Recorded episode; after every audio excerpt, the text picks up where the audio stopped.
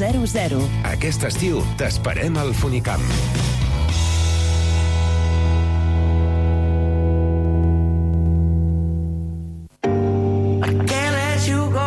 Aquest pròxim dijous, dia 29 de juny, celebrem la reinauguració de l'agència de publicitat UpNow.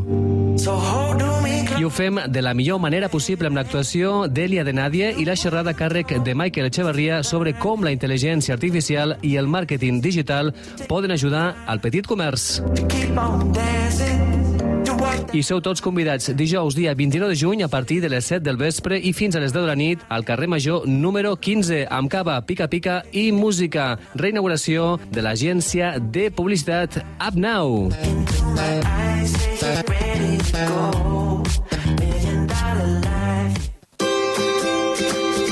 Residu, no sé on vas? Residus vegetals. Reciclant les branques i la gespa dels nostres jardins, obtenim compost, que és un adob de molt bona qualitat, un clar exemple d'economia circular. Per facilitar la recollida i reciclatge d'aquests residus, pots trucar al 900 701 046 i et cedirem una saca per a les branques i un contenidor per a la gespa. Gràcies al treball dels nostres ciutadans, es disposa de compost de màxima qualitat. Si estàs interessat, truca al 900 701 046 i t'assessorarem sobre el seu ús en el teu jardí una iniciativa de la Mancomunitat d'Escombraries de l'Urgellet amb el cofinançament de l'Agència de Residus de Catalunya.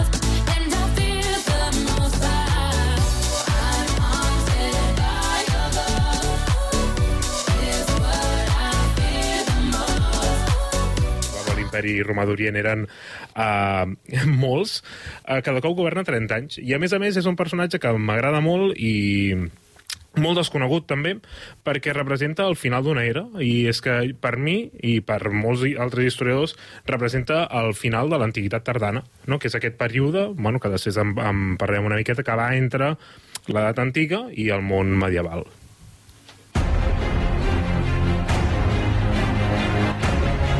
Segueix-nos a facebook.com barra Portes de Troia o a Twitter arroba Portes de Troia.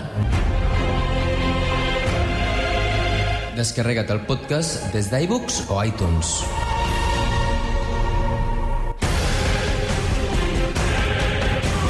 I descobreix tots els continguts del programa a la nostra pàgina web www.portesdetroia.cat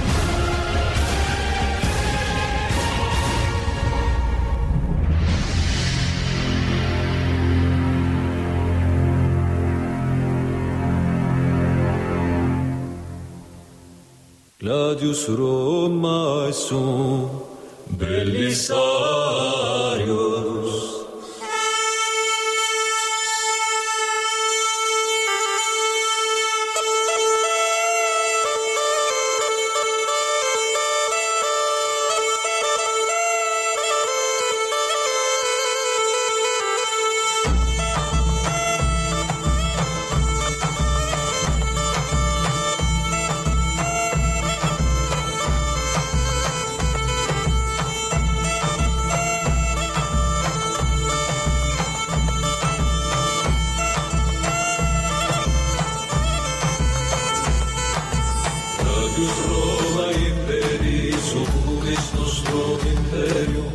Doncs com hem anunciat, avui parlarem d'Heracli i parlarem de l'ascens d'aquesta figura que, com ens has dit, tancaria l'antiguitat tardana. Però abans d'això farem una bona recollida, eh? farem uns bons entrants, un bon primer plat i després de segon ja tindrem Heracli.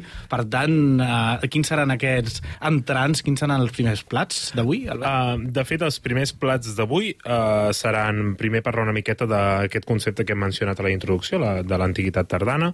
Uh, parlem del context de l'imperi bizantí als segles uh, 6 i 7.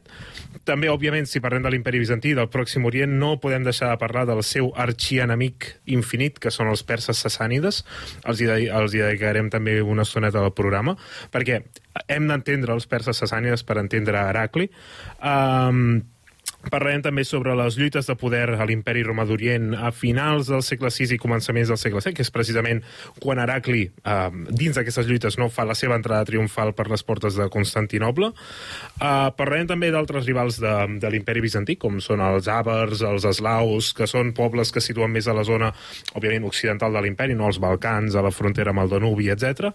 I, finalment, eh, avui tenim previst acabar amb l'ascens al tron d'Heracli, mm -hmm. perquè això, senyors i senyores, eh, emplacem a un segon, pro a un segon programa sobre Heracli, en què parlarem del seu regnat, del, bueno, dels anys del seu, dels seus 30 anys com a emperador, i la cirereta del, del pastís, per mi, ja serà la seva relació amb l'islam, perquè no ens oblidem que l'islam mm, neix precisament a començaments del segle, del segle VII, i Heracli és, una persona, és un personatge fonamental per entendre les relacions entre l'imperi romà eh, bizantí o l'imperi romà oriental o l'únic imperi romà d'aquell moment uh -huh, amb precisament l'islam. Eh, moment històric interessantíssim en el qual ens, ens endinsarem avui. Ja ens, ens, ens has avançat una miqueta el per què és important Heracli, però fem recull de tots aquests motius uh, pels nostres oients. Uh, clar, Heracli és un personatge important per molts motius. Uh, primer de tot perquè uh, ell es presenta, o, o el presenta, no veurem que és un personatge que té una campanya publicitària darrere uh, potentíssima, uh, gràcies a un poeta, a un poeta èpic que era amic seu, no, servent seu, i, i a més a més contemporani, que uh, llegirem algun fragment, uh, es compara amb Justinià, per exemple, no? que Justinià és aquella, aquest emperador que viu mig segle abans que Heracli, que el que fa és recuperar moltíssims territoris de l'imperi romà uh, d'Occident. Uh, Clar, Heracli el que fa és uh, mantenir els territoris de Justinià, de Justinià perquè bueno, fa com un avenç cap a, cap a l'est no? i roba territoris precisament en, en els perses sassànides, ja en parlarem. Uh -huh. um, també és molt famós per una gran reforma militar que va fer, que no ens hi entretindrem gaire, però que, bueno, que, que ho sapiguem. També és, és un dels primers emperadors bizantins que queda profundament associat a les relíquies religioses uh, cristianes. Uh, de fet, uh, la historiografia i les fonts posteriors el situen com un emperador croat que fa una guerra croada, que òbviament en el moment no era una croada, um, però veurem que les fonts del moment ho pla- plantegen com si la seva uh, guerra contra els perses fos una guerra santa. I, òbviament, tot això va molt associat a la iconografia, als materials dels objectes, en aquest cas les relíquies, com, per exemple, el Sant Sudari, no? el, el manto de, eh, de, de Turí, sí? el, el, el, man- el Sant Llençol, no? el llençol que, que té la figura de Crist gra, gravada se- que, i que mai va ser pintada, sinó perquè se suposa que és el llençol que va cobrir a Jesús quan estava mort, o, o que és un llençol que li van posar a la cara per aixugar-li mentre estava fent el seu recorregut amb la, amb la creu fins al món de les oliveres, etc. I també amb la, amb la Vera Creu, amb els fragments de la, de la creu on, on Jesús se suposa que va ser, va ser crucificat. Per tant, és un personatge que té vincle amb tots aquests objectes tan, tan, tan i tan famosos que ens sonen moltíssim. També és famós per protagonitzar la batalla de Nínive, eh, que la batalla de Nínive es considera la última gran batalla de, de l'antiguitat, per molts historiadors es considera així. No en parlarem gaire perquè no és un, no és un programa de batalles, uh, però bueno, si s'escau més endavant doncs en podem parlar. Uh, també és un personatge interessant per les polítiques religioses que du a terme l'imperi bizantí, que era un polvorí religiós. Clar, ens pensem que l'imperi bizantí era tot cristià, però sí, òbviament hi havia uh, molts cristians, però clar, quin cristianisme, no? Perquè estem en un moment en què les doctrines del cristianisme encara s'estan acabant de polir. Tenim els coptes a Egipte, tenim els monoficistes a, a, a, a Síria, bueno, tenim uh, mil variants, no? hi ha molta efervescència religiosa, i a més a més amb una coexistència molt clara amb els jueus. I, i al final del seu regnat també amb, amb musulmans, no? Ja, ja anirem ja ho anirem veient. I sobretot jo penso que és un personatge interessant per al, per al contacte que té amb el primer islam.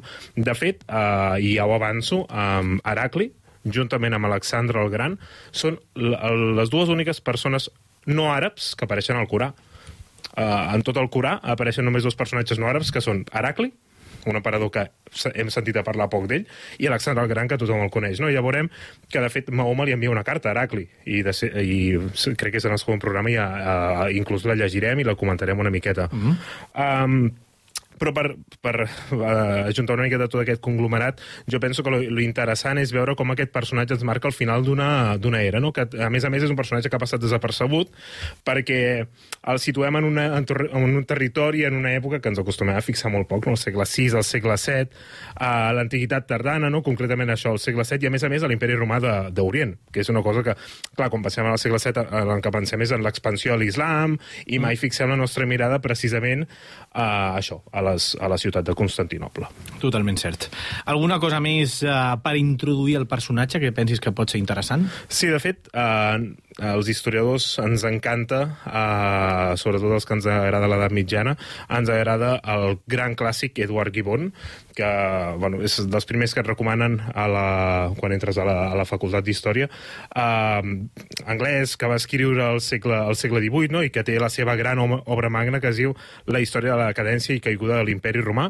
Eh, en Carlos Lecegui crec que ens han gravat un fragment que precisament eh, parla sobre, sobre Heracli. No? Escoltem les seves paraules per fer-nos una idea no? De, de la importància d'aquest personatge. Endavant.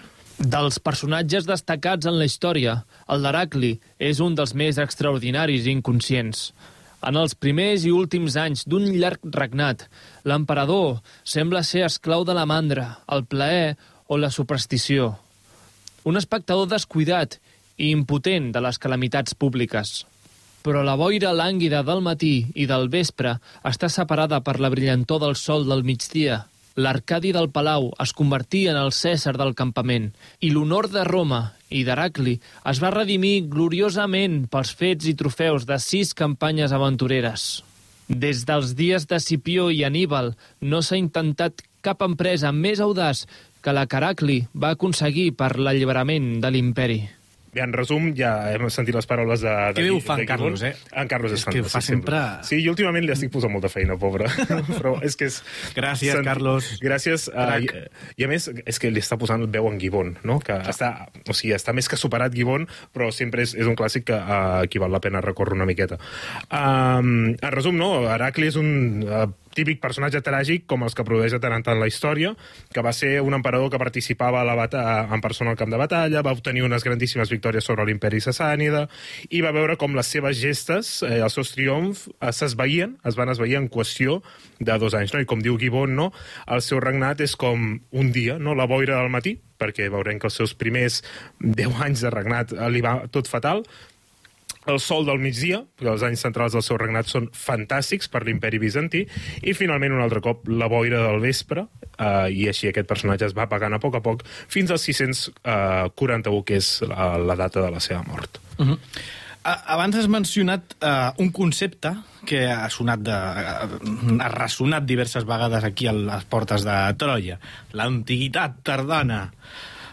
Aviam, què és això d'aquest calaix necessari de l'antiguitat tardana? Què, Aquest què, guarda?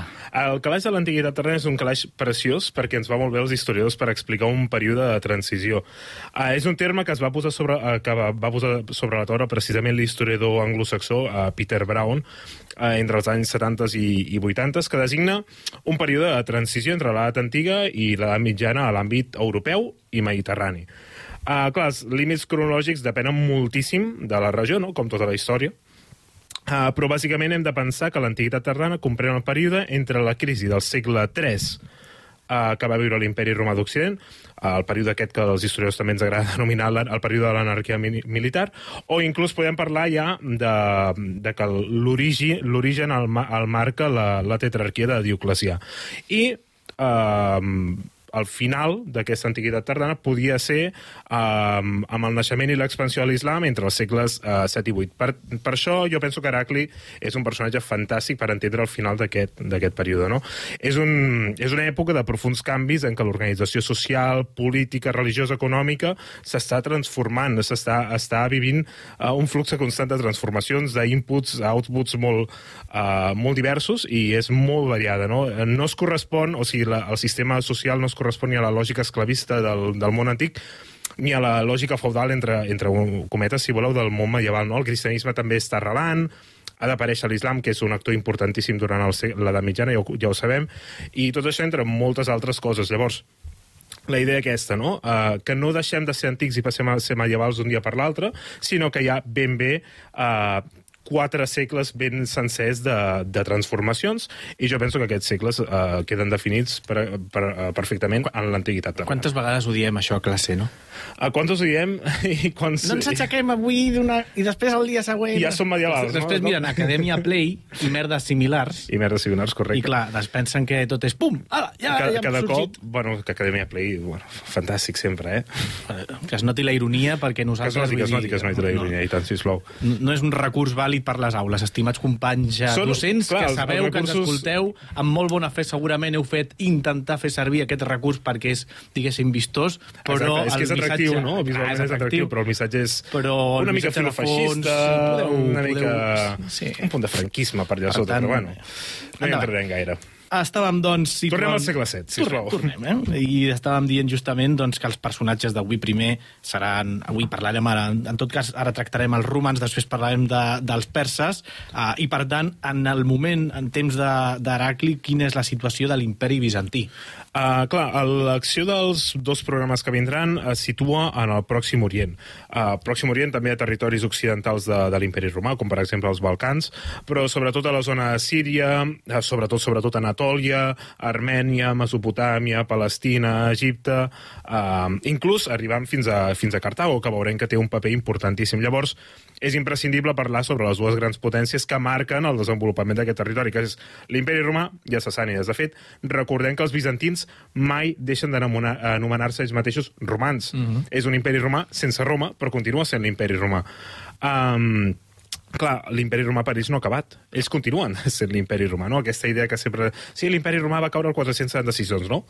Uh, segons els bizantins, l'imperi romà va caure el 1453, no? Quan, quan les tropes uh, turques conquereixen la, la, la, la ciutat de Constantinople.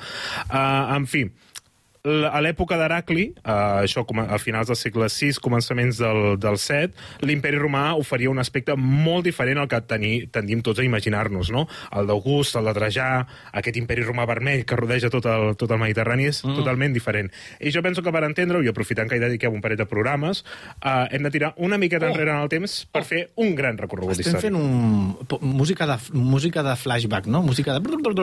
Anem enrere. Tornem enrere, Tornem enrere. tornem enrere uns quants segles enrere per entendre eh, la situació de l'imperi romà. Perfecte, ara doncs, que sapigueu que fem un salt enrere, com a les pel·lis, quan diguin, no sé quantos anys antes, no? Diguéssim, doncs ara, uns quants. quants segles abans, fins on ens hem de remuntar? Fins quan abans ens hem de col·locar ara mateix? Doncs concretament fins al segle III. És a dir, anem 300 anys bons abans. Uh -huh. uh, som en un moment en què els emperadors, uh, la majoria dels quals provenien de l'exèrcit, no, aquest temps de l'anarquia militar, es van anar distanciant de la ciutat eterna, de, de Roma, i la seva actuació es basava en les fronteres de l'imperi, on s'ocupaven s'ocupaven de, de sufocar totes les amenaces exteriors que hi havia. Uh, aquestes, uh, les invasions germàniques, no? les invasions uh, dels barbaricum que, que, de, que, parla, que parlaven ells. En paral·lel, uh, les altres jerarquies uh, de la societat romana cada cop estaven més militaritzades i això va alimentar moltíssim les lluites internes. És a dir, a part del perill exterior, existeix el perill interior. Um, lluites internes, eh, guerres civils pel poder, i podem dir que al segle III va afablir moltíssim l'estat, entre, entre cometes, la centralització de, de l'imperi romà.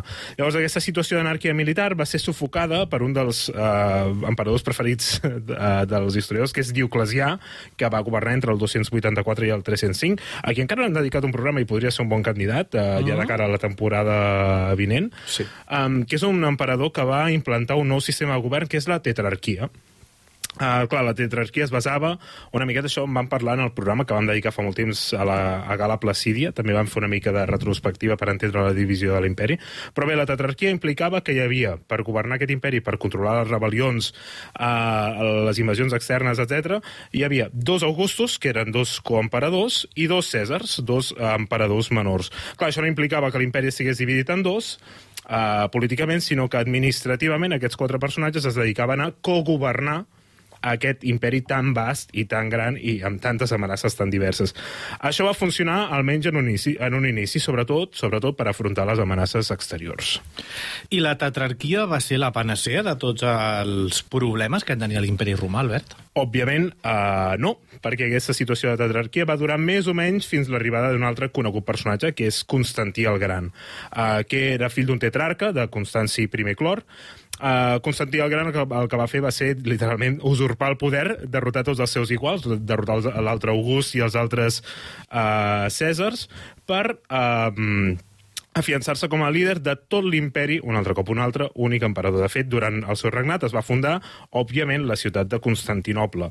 Uh, llavors, amb els seus hereus, els hereus de Constantí, uh, es va reprendre el sistema de govern cooperati uh, cooperatiu. No? L'emperador d'Occident residia a Ràvena o a Milà, ja, fixem-nos, ja no resideix a Roma, uh -huh. mentre que l'emperador d'Orient residia a aquesta nova ciutat que havia fundat Constantí, que és Constantinople. Almenys durant el segle, el, el segle IV. Clar, això va convertir Constantinople, una ciutat incipient, en una segona capital de l'imperi. Doncs, però si a Occident ja estan a Ràvena o a Milà i, i, a, i a Orient, a Constantinople, recent fundada, a Roma, què està passant? Uh, bueno, doncs que ens estem acostant a la caiguda de l'imperi romà d'Occident, no? Llavors, al llarg del segle V és quan es trenca definitivament l'equilibri entre Orient i Occident. Durant aquests segles, uh, Occident rep moltíssim invasions, lluites intestines, i de fet nosaltres, els historiadors, com sempre, no parlant de calaixos, parlant de dates, ens encanta marcar el 476 com el final de l'imperi romà d'Occident, que és quan Odoacre pren Roma i fa presumer, presoner a Ròmul Augusta, l'emperador nen, uh, i de cop Itàlia i gran, de, i gran part dels territoris romans occidentals queden totalment desconnectats de la lògica imperial. I aquí es comencen a fundar els regnes germànics, etc etc etc. Llavors, a partir del 476, si volem, uh, només hi ha un emperador romà, que és el de Constantinople, que és el de l'emperador romà d'Orient. Llavors, um, la situació de l'imperi romà d'Orient és molt diversa fins que arribem a un altre personatge clau i a la seva esposa, que són Justinià i Teodora, que va llançar una enorme ofensiva des de Constantinople, uh, molt exitosa, perquè va recuperar moltíssims uh, territoris dels, uh, dels antics territoris uh, romans d'Occident, com per exemple tota la zona del nord d'Àfrica, que estava en mans dels, dels vàndals, i gran part d'Itàlia, que estava en mans dels ostrogots. Uh, tot i que recuperés gran part d'Itàlia, sobretot a la part de Ràvena, de fet, si teniu l'oportunitat de visitar Ràvena, que és una ciutat preciosa, hi ha uns mosaics perfectes, que és Justiniano i Sucorte, no? És Justiniano i, eh, Justinià i Teodora a l'església de Sant Vitale, si no m'equivoco, i a més a més hi ha la, la i a més a més hi ha el mausoleu de, de Gala Placídia, que, bueno, que, que són preciosos, i representen molt bé la glòria de, de Justinià, de quan va reconquerir aquests, reconquerir entre cometes aquests territoris. Um, tot i això, la, la capital continuava sent Constantinople. Clar, i amb això que ens acabes d'explicar, veiem clarament com la balança s'ha inclinat definitivament cap a, cap a Orient. És a dir, aquí a Occident passaven altres coses, fundació de regnes germànics, com estaves explicant, efectivament, però uh, pel que fa a Roma, Orient i ja està. Exacte. Uh, de fet, uh, com has dit, la balança s'acaba inclinant definitivament cap a l'est. Uh, des d'inicis del segle V, els emperadors bizan bizantins van inaugurar una reialesa sedentària, que era exactament el contrari que, que el que feien els emperadors romans, que eren a les fronteres a combatre. Uh, què feien? Uh, doncs bàsicament era uh, uh, doncs governar des de la ciutat de Constantinople i confiar sobretot els assumptes més militars als seus, als seus generals. Clar, això es devia sobretot a que diversos emperadors arribaven al tron amb set anys 10 anys, o sigui, eren emperadors nens. I, a més a més, cada cop les victòries romanes eren menys freqüents. Uh, L'imperi bizantí és el clar exemple, és preciós, no? l'imperi bizantí és molt maco, Constantinople és molt maco, però és el clar exemple de com Roma està perdent la seva supremacia militar eh, sobre els seus enemics. Llavors, enviar l'emperador a les províncies per fer front a les batalles, per encapçalar els exèrcits de les batalles, és perillós. Um, per tant, jo penso que ens trobem aquí, no? Estem en, davant d'unes dinasties d'emperadors sedentaris que viuen a la ciutat de Constantinople. L'imperi romà d'Orient té dues grans fronteres. La primera és el Danubi, no? a, la seu, a la seva zona nord-occidental, al, al, als Balcans, no? el que abans era la Dàcia, Uh, per una banda, des d'on rebrien invasions i migracions d'àvars, eslaus, uh, tribus estepàries, etc.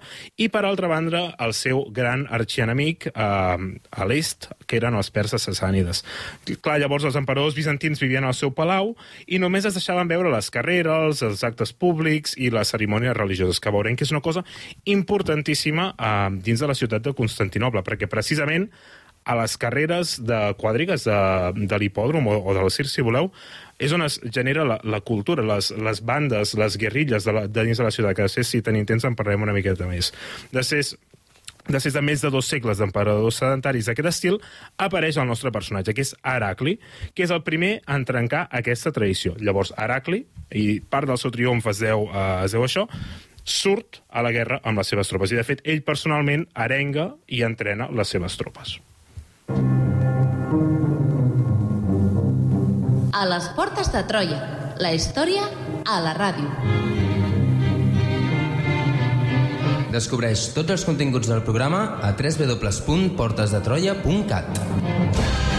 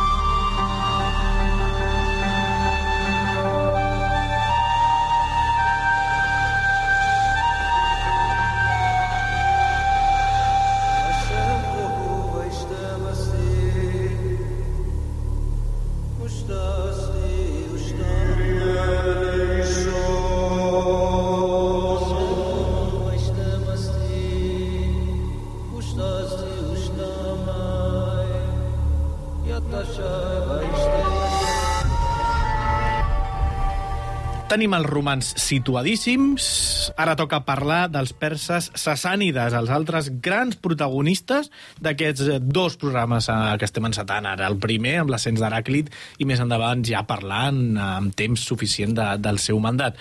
Però ara toca parlar i situar els perses sassànides. Um, òbviament, no podem deixar de parlar d'ells, no? l'arxienemic dels romans d'Orient durant més de 400 anys. Llavors, l'imperi persa sassànida va ser fundat l'any 224 i va durar fins al 651. És a dir, és un imperi que dura més o menys uns 425 anys, una cosa, una cosa per l'estil. Uh, va néixer quan un líder persa va enderrocar l'últim emperador part, Llavors, els sassànides és molt important entendre que es consideraven els hereus de l'antiga glòria de l'imperi persa acamènida. Uh, I, de fet, van establir la seva capital a, a Ctesifon, que és, uh, ara actualment es trobaria la- a- a l'actual país d'Iran. Clar, durant el seu període de màxima exp- expansió van construir un estat supercentralitzat i van promoure la religió del, eh, del zoroatrisme que, com a religió eh, oficial de l'estat. Tot, tot i això, era una societat molt eh, pluricultural i també permetien el, el culte a altres religions. Uh, per exemple, el, la dona d'un dels personatges principals d'aquest programa, que serà Cosroes, uh, l'emperador, el rei de reis de, de la Pèrsia sassànida, la seva dona era cristiana. I veurem que això té un gran impacte en el tema de les relíquies, en la Guerra Santa d'Heracli, etc. Llavors, per fer-nos una idea de quins territoris eh, dominaven els sassànides en l'època d'Heracli, començaments del segle VII, eh, són els següents. Per una banda, Iran, que era el centre del seu imperi, la terra natal dels sassànides, el cor de l'imperi, la base del seu poder, Mesopotàmia, eh, que era un territori totalment disputat amb l'imperi romà, de, de fet veurem com hi ha molts estira i arronses en aquest, en, en aquest terreny, Armènia, que també estava disputada amb els bizantins, tota la zona del Caucas, dominada per als sassànies, l'Àsia central, central amb el Khorasan, la Sogdiana i la Bactriana, i finalment algunes parts de, de també l'actual Afganistan. Això en contraposició l'imperi romà d'Orient, que abans no ho hem comentat, però nosaltres entenem que la, zona d'influència de l'imperi romà d'O- d'Orient és bàsicament, són bàsicament els Balcans, amb Grècia inclosa, tota la península d'Anatòlia i tota la franja eh, del llevant mediterrani. Eh, més, gràcies a les conquestes de Justinià, eh, Egipte, i tota la província d'Àfrica que arribaria, fins a Tunis, la- l'actual Tunísia, i una miqueta més eh, cap a, cap a l'Occident. Però fem-nos fem la idea que l'imperi romà d'Orient no era poca cosa, però veurem com cada cop és més poqueta, més poqueta. Evidentment. I, I ja ho has anat a, avançant, però la relació que tindran amb els eh, romans d'Orient serà a hòsties sempre? serà gairebé sempre a òssies. De, de fet, entre el segle III i el segle VII eh, són enemics. Veurem que hi ha períodes de pau, veurem que hi ha períodes d'entesa, sobretot per interessos geopolítics, però són bàsicament enemics. Um, les fronteres entre els dos imperis són molt inestables i sobretot permeables. Uh, de fet, la seva, religi... Ai, la, la, seva religió, la seva relació jo l'entendria com una mena de, de guerra de desgast que va durar quatre segles, perquè es van desgastant l'un a l'altre, l'un a l'altre, i es van desgastant i es van desnutrint. Vull dir, és és una passada com les arques de, amb dos imperis es van buidant constantment per culpa dels enfrontaments que tenen entre ells. De fet, la història política del Pròxim Orient a l'Antiguitat tardana, durant tota l'antiguitat tardana, no s'entén, no la podem entendre sense veure quina relació que hi havia entre l'imperi bizantí i l'imperi sassànida. De fet, nosaltres ens centrarem en les últimes dècades de, de l'imperi sassànida, perquè, com hem dit, desapareix el 651, i nosaltres ens centrarem en aquest, una miqueta en aquest període. Um, però al, al final de l'imperi sassànida uh, és, uh, és molt vinculat també amb el final precisament d'Heracli, no? que és amb la conquesta dels sarraïns, de, de, de, de l'islam que acaba de sorgir jove de la península aràbiga. Aquest final va suposar el final definitiu de l'antiga Pèrsia, de tota aquesta idea de recuperar el passat gloriós dels perses acadèmic, eh, acamènides, però la cultura persa va tenir un fort impacte dins de tot el món islàmic després de la conquesta contra els sassànides. De fet, l'islam triomfa i s'expandeix gràcies a tot el que aprenen dels sassànides. I, i de fet, la, la major part de l'art islàmic en el que nosaltres pensem quan tanquem els ulls ve de la influència sassànida. Per exemple, uh, totes les tasseles, no, el, els arcs, l'Alhambra està farcida de referències, uh, de referències sassànides, o tots els motius vegetals en la decoració. Tot això ve de Pèrsia. També l'administració i el govern, tot el tema de les cerimònies, el protocol islàmic, que és uh, profundament institucionalitzat, no? que cadascú, quan hi havia una, una cerimònia reial, uh, cadascú s'havia de col·locar en un, en un lloc concret segons la teva condició social dins el, el, el seu ordre. Um, inclús també la vestimenta, la moda, la literatura, la poesia, és a dir, potser la idea de la Pèrsia, eh, de la Pèrsia sassànida o la Pèrsia camènida sí que es mor, Pèrsia fins molt després no tornarà a, a existir, uh, però la seva cultura, la seva, uh, la seva religió, les seves costums, el seu protocol, el seu art i tot, perviu en, dins del món islàmic d'una manera fortíssima. Molt bé, doncs tenim les peces del taulell col·locades. Comencem ara, comencem a centrar-nos en els regnats immediatament anteriors a Heracli, Albert. Comencem, doncs, al 582, quan mor l'emperador Tiberi. No, òbviament no el Tiberi, el successor d'August, sinó un Tiberi de 500 anys després. Uh, el succeeix el seu nebot Maurici, que és un nom que ja ens hauríem de quedar amb ell perquè és, és important en el programa avui, uh, i estem en un moment uh, en què l'imperi bizantí portava una dècada, com o no, de lluites uh, interminables contra el seu arxienemic, que són els, els sassànides. Llavors estem en un moment en què l'imperi estava bastant exhaust, i de fet, uh, Maurici, hauria participat com a general durant les campanyes del seu oncle, però un cop va accedir al tron va continuar amb la lògica aquesta dels emperadors sedentaris. Ja no va tornar a sortir al camp de batalla, sinó que es va quedar a la ciutat de Constantinople a controlar una miqueta tot el senat, els funcionaris, els patriarques religiosos, etc. Um, Maurici, però, va aconseguir acabar la campanya, acabar la guerra contra els sassànides, amb molt benefici per Roma, la veritat. I això es deu, sobretot, a que l'imperi persa estava vivint unes lluites intestines. Parlem una miqueta d'aquestes eh, lluites intestines. Fes-nos, si pots, eh, cinc cèntims. Uh, ens trobem en un moment en què Cosroes II, que és el personatge sassànida del que hem, hem parlat abans, que serà un coprotagonista d'avui, uh, va ser eregit rei en una edat molt jove. Ell era, era molt jove. I el general uh, Bahram uh, Chubin uh, es va rebel·lar contra ell, perquè creia que era molt jove i, a més a més, era un general que havia aglutinat moltes lleialtats personals al seu voltant. Um, Bahram va prendre la ciutat de, de Sassifon uh, i, a més a més, va obligar que Cosroes fugís del territori persa. I on va fugir Cosroes? Doncs es va refugiar al territori romà. Cosroes II, bueno, que encara no era segon, o Cosroes, en aquest cas, va enviar una missiva a Maurici, a l'emperador, al nou emperador uh, bizantí, perquè l'ajudés a recuperar el tron persa.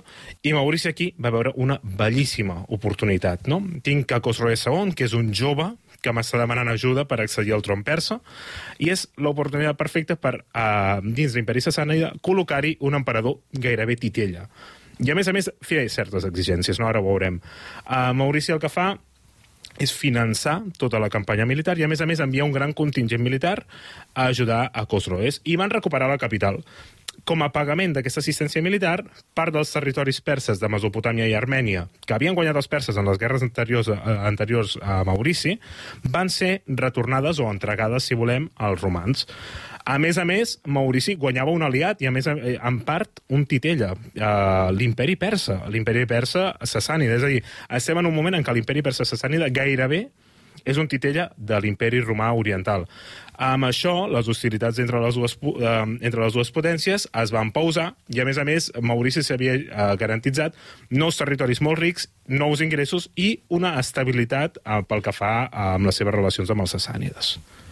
Doncs abans ja ens ho has avançat, que la majoria del temps a Roma, l'imperi romà d'Orient i- i els sassànides estarien a hòsties. Per tant, aquesta pausa deduïm als nostres estimats oients que no durarà gaire. No dura gaire, però sí que suposa un petit descans pels romans i també pels sassànides, perquè recordem que aquí reben les dues parts. Uh, I, de fet, en aquest punt aparcarem els sassànides durant un temps uh, durant aquest programa.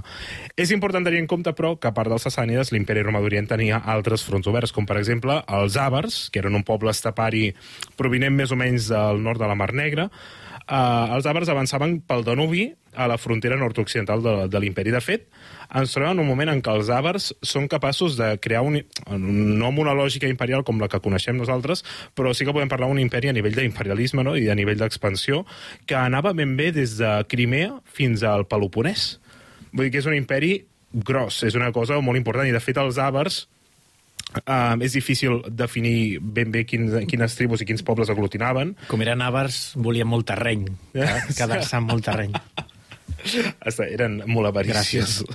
Ja està. Podem continuar Gràcies, gràcies, amb Sergio. aquesta interrupció estúpida que t'ha No, tallat no, la teva meravellosa explicació. No, no. I ja també eren àvars amb aglutinar uh, pobles eslaus uh, proto-búlgars no? sota, sota el seu domini. De fet, la persona o el personatge que aconsegueix aturar més el poder dels àvars és Carlemany, i no ho farà fins al 795 o 97. Vull dir, que fem-nos una idea de lo poderosos i de lo grans que van arribar a ser. Uh, els àvars s'havien assentat al nord del Danubi, i des d'allà llançaven ofensives constantment contra la província romana de Tràcia. Com que la guerra contra els perses havia acabat, tots els esforços bèl·lics romans es van dirigir tots cap a Occident. No? Anem, anem a aturar aquestes invasions que ens venen des, de, des del Danubi. I totes les tropes de Maurici van ser desplaçades cap allà. Ui, Però hi ha un petit problema, i és que l'exèrcit romà estava destrossat. No estem en un moment en què venim de 10 anys de guerra contra els sassànides, um, el tresor imperial també està gairebé esgotat, i Maurici què fa? Doncs Maurici, de fet, és conegut per ser uh, ba bastant um, garrepa, no? Uh, però és que es veu obligat a aplicar tota una sèrie de polítiques d'austeritat, i això, com ens podem imaginar, no tenia a gaire gent contenta. Rebaixa salaris militars, rebaixa l'equipament dels soldats i això és bàsicament la seva perdició. I va arribar un moment que va fer que la gota va, ser, bueno, que va, va, va arribar la gota que va fer vessar el got, no? I aquest moment és el setembre de l'any 602, quan Maurici ordena que el seu exèrcit hiverni al nord del Danubi. Uh, I això ja veurem que té tota una sèrie d'im- d'implicacions. Soldats mal pagats, obligats a hivernar en territori hostil... Això fa pinta de que li muntaran una de grossa en Maurici, eh? Sí, de fet, Maurici és un personatge molt curiós, no? perquè aconsegueix recuperar territoris que els perses sassànides havien robat, aconsegueix eh, fer paus amb Orient, aconsegueix situar un rei gairebé titella eh, en el tron sassànida, però de cop la seva, les, les seves polítiques d'austeritat eh, provoquen que tot vagi malament. Clar, quan Ma- Maurici fa que les seves tropes hivernin al nord del Danubi, això no és gratuït, perquè si tu les fas hivernar al nord del Danubi, que són territoris que no formen part de l'imperi, s'han d'autoabastir ells, les tropes s'han d'autoabastir, han de buscar les seves provisions, han de saquejar, han de caçar, etc. En canvi, si tu acampes al sud del Danubi, sí que és territori imperial, per tant, tu com a emperador et veus obligat a abastir aquestes tropes, a, a proporcionar-los menjar, a, a, a roba, equipament, etc. Llavors, això va ser la gota que va fer, va fer vessar el got. Um, com ja has avançat, aix- aquest fet Uh, aquest, uh, aquesta petició d'hivernar al al, al nord del Danubi fa que s'iniciï tota una voràgina de, de pugnes, de, uh, de lluites religioses, de revoltes socials, de guerres civils dins l'imperi bizantí. Aquest, o sigui, aquest 602, aquest, aquest uh, si us plau, hiverneu al nord del Danubi, comença tota una sèrie de, de, de, de moviments i de, i de crisis que duraran entre el 602 o 603, si volem, perquè ja estem gairebé a finals de l'any, fins al 608, una cosa tan est- que ens pot semblar tan estúpida no? com, com reduir els gastos de l'exèrcit i de la població en general.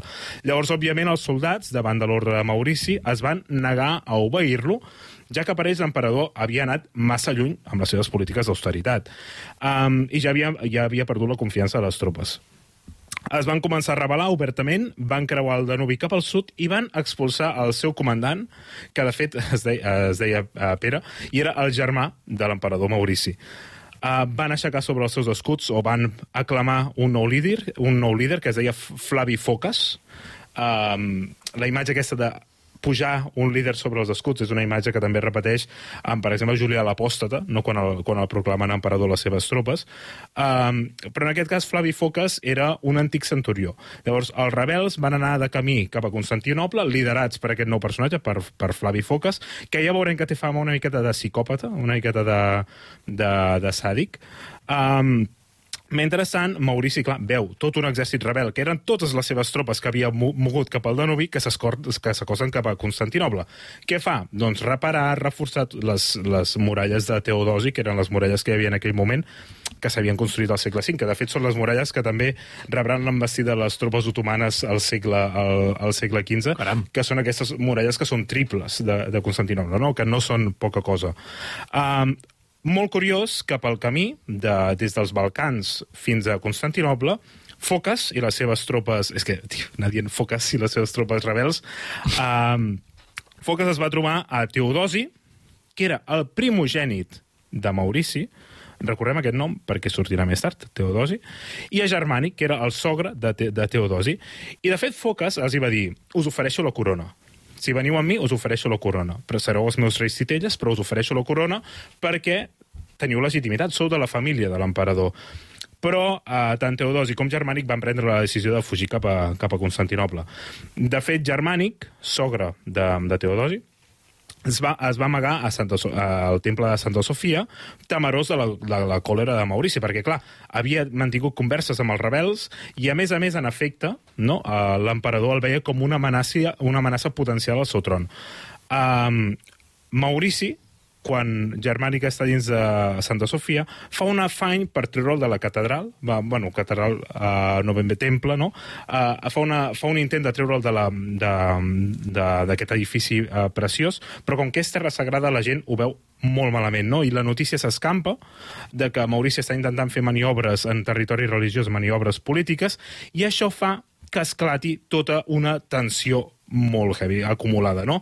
Enfadats per l'austeritat, tensió religiosa, més moltíssimes coses, i aquest fet d'intentar treure a Germànic de, la, de, de Santa Sofia fa que esclati tota una revolta general contra Maurici a la ciutat de Constantinople, mentre les tropes de Foques encara no han ni arribat a la ciutat. És a dir, Maurici s'està calant foc a ell mateix. Déu-n'hi-do, en foques, eh? Déu-n'hi-do, en Enfoca Foques. bé. Enfoca Um, i, I aquest aixecament, aquesta mena de cop d'estat popular que se li està muntant al Maurici, mm, aquest aixecament va ser generalitzat? Va, es va quedar en poca cosa al final? O, o com què va passar? Va ser uh, espectacular. De fet, diversos punts de la ciutat van cremar i una rebel·lió contra Maurici es va estendre per tota la capital de l'imperi. Clar, després de dos dies de disturbis, Maurici va prendre una decisió fatal per ell, a nivell personal, i sobretot també per la seva família, que va ser fugir de la ciutat. Va agafar un petit vaixell amb la seva dona i els seus fills i es va dirigir a Àsia, un dels seus fills, recordem que és el Teodosi que hem mencionat abans, i es va dirigir a Àsia per demanar ajuda al seu aliat. Qui és el seu aliat? Cosroes II no vol demanar ajuda al seu aliat persa, mentre eh, Maurici fuig amb la seva família, eh, comencen les deliberacions a la ciutat de Constantinoble sobre qui hauria de ser el successor de, de Maurici. I, obla, eh, es va descartar la facció de Germànic, eh, aquest que s'havia amagat a, la, a Santa Sofia, i òbviament es va oferir la corona a Focas, que era un centurió del Danubi. Vull dir que és un tio que, que venia del no-res, no? un self-made man, no? que havia començat com a no-res i havia anat ascendint en la jerarquia militar fins a convertir-se en centurió, guanyar-se la confiança dels seus homes i de cop convertir-se en emperador bizantí. Per tant, Foques, nou emperador, nou emperador bizantí. Qui, no, qui ho havia de dir quan ens estaves explicant fa uns minuts els inicis d'en Foques? Uh, exacte, i de fet és un, és un personatge que no té cap mena de formació, perquè, ah, clar, els emperadors bizantins, si són alguna cosa, és que estan... Uh, són preparats, no? Són el preparat. Uh, estan formadíssims en les dinàmiques imperials, en les dinàmiques de cort, etc. Però Focas no té ni, ni idea. De fet, l'únic que sap és el món de la guerra. I, i, i així ho farà, perquè com he dit abans, se'l coneix com una miqueta una, una mica psicòpata, una mica sàdic, perquè el que farà és passar pel ganivet les faccions enemigues que donaven suport als familiars de Maurici, uh, passa, o sigui, exilia a monestirs o, o assassina a moltíssims generals de l'exèrcit fins, a un- fins a un punt que l'exèrcit queda gairebé sense cap mena de comandament. Però, bueno, la qüestió és que Focas és proclamat emperador amb el suport dels habitants de Constantinople i, a més a més, de l'exèrcit amotinat. Uh, al cap de dos dies d'haver pres possessió del tron, Uh, va, el que fa és enviar, primer tot ens hem de treure sobre les amenaces, per tant envia un petit contingent a perseguir a Maurici, que encara es trobava a les costes asiàtiques de la mar Màrmata, que és el, el mar que queda entre el Mediterrani i el, i el Mar Negre. Uh, el contingent de Foques troba a Maurici i a la seva família i els assassina bastant salvatjament, per tant Maurici mai podrà arribar amb el seu Pim, amic pam. Cosroes II. Um, des de la revolta dels soldats danubians, des d'aquell eh, hiverneu al nord de Danubi fins ara, que tenim a Foques com a emperador i a Maurici mort, només han passat dos mesos, perquè ens feu una idea de l'efervescència que té aquell moment. Ens trobem al novembre del 602 i la ciutat de Constantinople ja té un nou emperador i ni rastre d'altres possibles pretendents al tron. Doncs en Focas, eh, habitants de Constantinople, disfruten lo, lo votado, anava a dir, però evidentment no, no es votava. No, no van votar Però gaire. disfruten lo aupado, en aquest cas en Focas, i el, el seu regnat, bé, que, que, que, com el podem caracteritzar al final? Uh, molt breument, és un regnat que es caracteritza per molt mal regnat. Uh, va haver de fer front moltíssims problemes interns i també externs. Uh, clar, hi havia persones que donaven suport a l'emperador assassinat i al cacadés de la seva, al cacadés de la seva família. Uh, les elit, de, sobretot les elites de la ciutat de Constantinople van, van poder aglutinar grups de, su, eh, grups de suport cap als familiars supervivents de, de Maurici, però sense massa èxit. Una cosa molt curiosa és la, general, eh, és la relació que va establir amb el general Prisc, que era un general que havia obtingut una gran reputació durant el Principat de Maurici i, de fet, era un dels principals càrrecs de, de les tropes imperials de Constantinople. Focas, amb una jugada molt estratègica, va fer casar la seva única filla amb el general Prisc. Però hi va haver un petit malentès, i és que Focas no tenia més fills. I llavors, si tu casaves la teva única filla amb el gran general Prisc, és que estaves dient, vale, és que el futur emperador de Constantinople serà Prisc. Uh -huh, clar. Uh, I durant, es veu que durant el matrimoni, uh, la comitiva matrimonial de Prisc va treure com un estandard en què apare- apareixia um, Prisc en un costat i uh, foques a l'altre costat com si fossin iguals. No com dient, no, no, és que el segon emperador seré jo, seré Frisk. Uh, això va, uh, bueno, és, va ser una ofensa per foques. A partir d'ara els I- dinars de Nadal, fatal. Terribles, terribles. Sí. Uh, I va ser, bueno, va començar tot un mal rotllo entre Prisk i, i Focas uh, terrible. Prisk, uh, o, o sigui, Focas li va deixar claríssim a Prisk que mai seria emperador. Um, Recordem el nom de Prisk també perquè arran d'aquest incident del casament es convertirà en un dels principals conspiradors contra Focas i a favor del nostre estimat Heracli, que ara fa molta estona que el tenim oblidadíssim.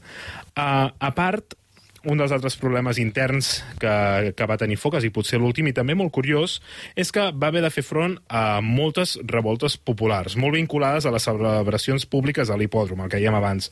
Um, clar, un emperador bizantí necessitava el suport de les elites de Constantinople, de l'exèrcit i sobretot de la massa popular. Um, clar, era molt normal en aquell període que hi haguessin faccions molt vinculades al, a les curses, en els carros, en els equips de, de carreres dels hipòdroms. Per exemple, en el cas de Constantinople, en aquell moment hi havia els blaus i hi havia els verds. Uh, I aquestes faccions ens hem d'imaginar com uh, grups de gent que són fidels a un equip de, de quadrigues que el que fan és representar uns ideals, que fan representar una política que a vegades es podria fer paral·lelismes amb certs equips de, de futbol o, o coses per l'estil, però, per exemple, els que estaven a favor de l'equip verd eren persones uh, d'una ètnia més aviat orientalitzant, no? Uh, personatges més, prop, més propers a Síria, a Palestina, inclús a Pèrsia, no? i sempre anaven amb l'equip verd, i, per exemple, els que anaven amb l'equip blau eren més partidaris de la Roma més occidental. Llavors, ens trobem aquí que hi ha um, dos, dues faccions capaces d'aglutinar i armar persones perquè són les guerrilles de carrer de la Constantinople del, del moment, que també el que fan és revoltar-se contra Focas. Primer, Focas tenia el suport d'uns, però al final va perdre tot, tot el suport. Llavors, um, el, uh, Focas en una celebració a l'hipòdrom apareix tard, apareix ebri, apareix begut, i uh, se'ns explica a les fonts que aquest petit fet el que fa és retirar-li tot el suport popular que, que, havia, que havia guanyat durant tots els seus anys de- d'emperador. Troia. Descobreix la teva història.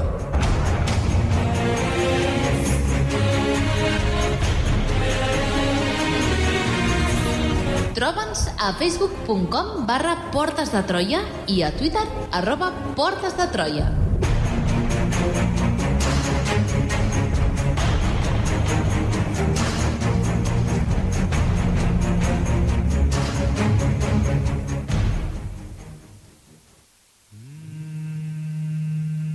قل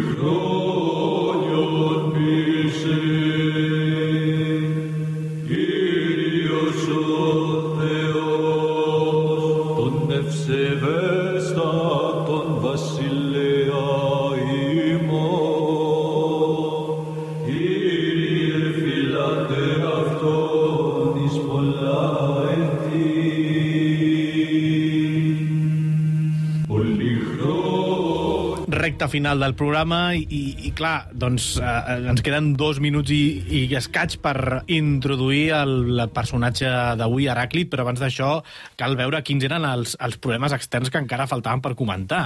que em sembla mentida que faltin dos minuts i mig per acabar el programa i diguis introduir el personatge d'avui. Hem avisat al principi. hem avisat, hem avisat, hem avisat. I era com Sí, sí, una, sí, sí. una prèvia, no? els entrants i el primer plat. Sí, sí, tens tota la El raó. següent programa doncs, eh, encara quedaran les restes del primer plat mm. i el segon plat. Cap- en- cap mena de problema. Endavant. Problemes externs. Uh, abans hem explicat els problemes interns que tenia Focas, que no eren pocs, uh, no? Uh, aquestes faccions uh, pro-família assassinada de Maurici, uh, les revoltes populars de les, dels, dels grups del, de l'hipòdrom o, o del circ, i la seva mala relació amb Prisc.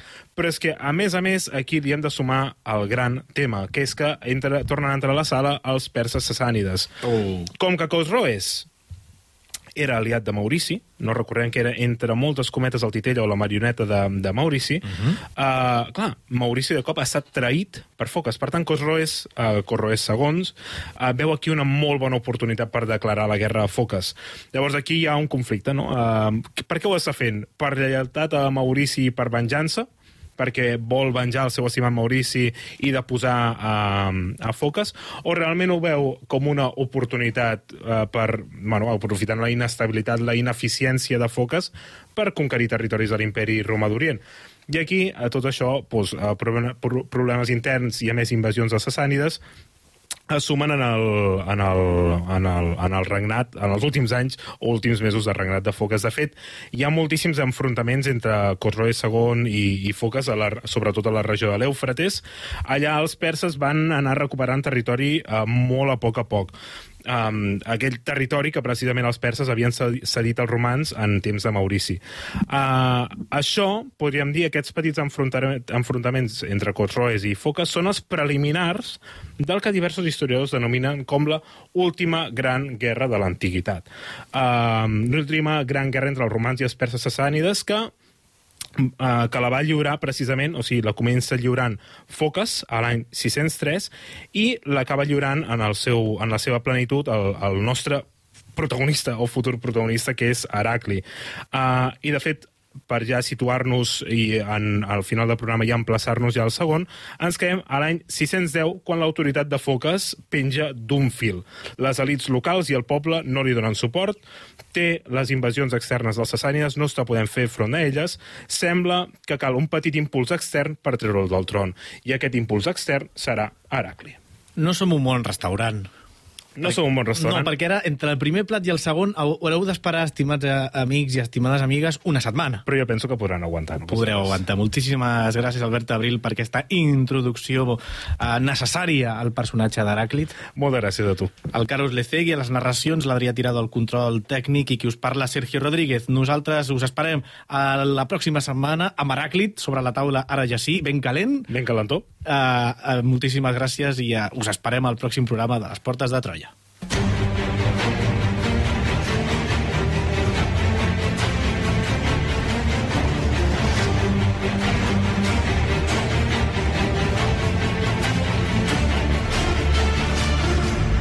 Les portes de Troia, amb Alberto Reche, Sergio Rodríguez i Albert Abril.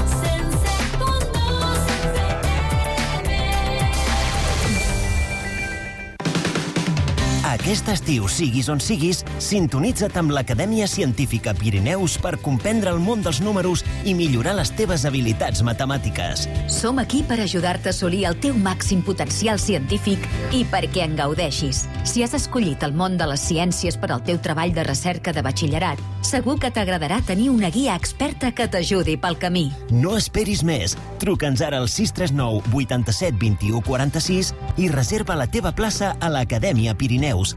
Modalitat presencial i online. Vine i avancem cap a l'èxit. El valor de la proximitat el tens amb Menja't l'Alt Urgell. L'associació Menja't l'Alt Urgell, de productors i elaboradors de la comarca, compta amb diferents espais a la teva disposició. Un local a la plaça Patalín de la Seu d'Urgell. Un segon punt de venda al supermercat Charter de Montferrer. I ara també al bar del Menja't, el bar L'Estrella del carrer Canonges, on podràs degustar tots els seus productes. Pots comprar tot el que elaboren els productors del Menja't l'Alt Urgell comprant i regalant lots. I a més a més, t'oferim la possibilitat de conèixer els nostres productors artesans a través de rutes gastronòmiques, tot gaudint de tastets de productes combinats amb el territori i la cultura que ens envolta. Menja't l'Alt Urgell, el valor de la proximitat. Tota la informació i més a la nostra web www.menjatlalurgell.cat. Què? Un altre diumenge mirant la tele o el mòbil? Deixa les pantalles i gaudeix del món real. Apunta't a les autèntiques i inigualables escapades de Cadí Tours. El 9 de juliol, la perla de la Costa Brava, Tossa de Mar. Amb les seves magnífiques vistes, el castell, l'ambient pesquer i no cal dir-ho, una bona mariscada per tornar ben tips. I el 30 de juliol, un dels racons més bonics del nostre Pirineu, les Fonts del Llobregat, amb visita a Castellà de dinar inclosos. Informa't d'aquesta i d'altres escapades o reserva ja la plaça a Cadí Tours, carrer Major 77, la Seu d'Urgell. Al telèfon 973 35 02 35 i a internet caditours.com. I recorda que també ens pots trobar a Facebook, Twitter i Instagram. Amb el bon temps, aixeca't del sofà i vine a caditorejar. Gaudeix de les escapades de Cadí Tours. Radio Seu 107.2 FM. que es solo positivo.